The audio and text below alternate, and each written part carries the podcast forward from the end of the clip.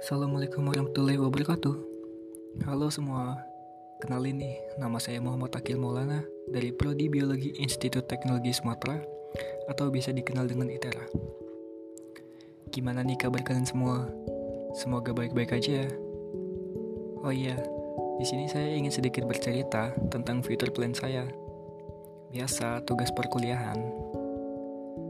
Kita mulai aja untuk plan jangka pendek saya, saya ingin menyesuaikan diri dulu di lingkungan perkuliahan. Karena kan termasuk lingkungan yang baru, ya kan?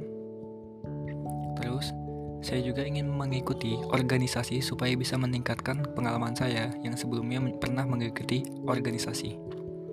Dan juga bisa mengikuti per kegiatan perkuliahan dengan baik.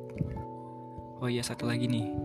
Di semester 1 dan semester 2, saya ingin mendapatkan IP 3. Lumayan susah sih sebenarnya tapi kalau belum dicoba, belum tahu ya kan. Terus, plan jangka menengah saya, saya ingin bisa lulus dengan nilai IPK di atas 3. Ini pasti impian semua mahasiswa. Gak mungkin gak. Walaupun susah, tapi gak ada salahnya kan mencoba dan berusaha. Semua itu tergantung dari diri kita sendiri. Kalau kita niat, berdoa, dan berusaha, insya Allah semua impian kita pasti berhasil. Yang terakhir jangka panjang saya, saya ingin bisa bekerja dengan layak agar bisa membanggakan kedua orang tua saya, bisa membiayain kebutuhan keluarga, dan juga bisa membahagiain orang yang saya sayang nanti kelak.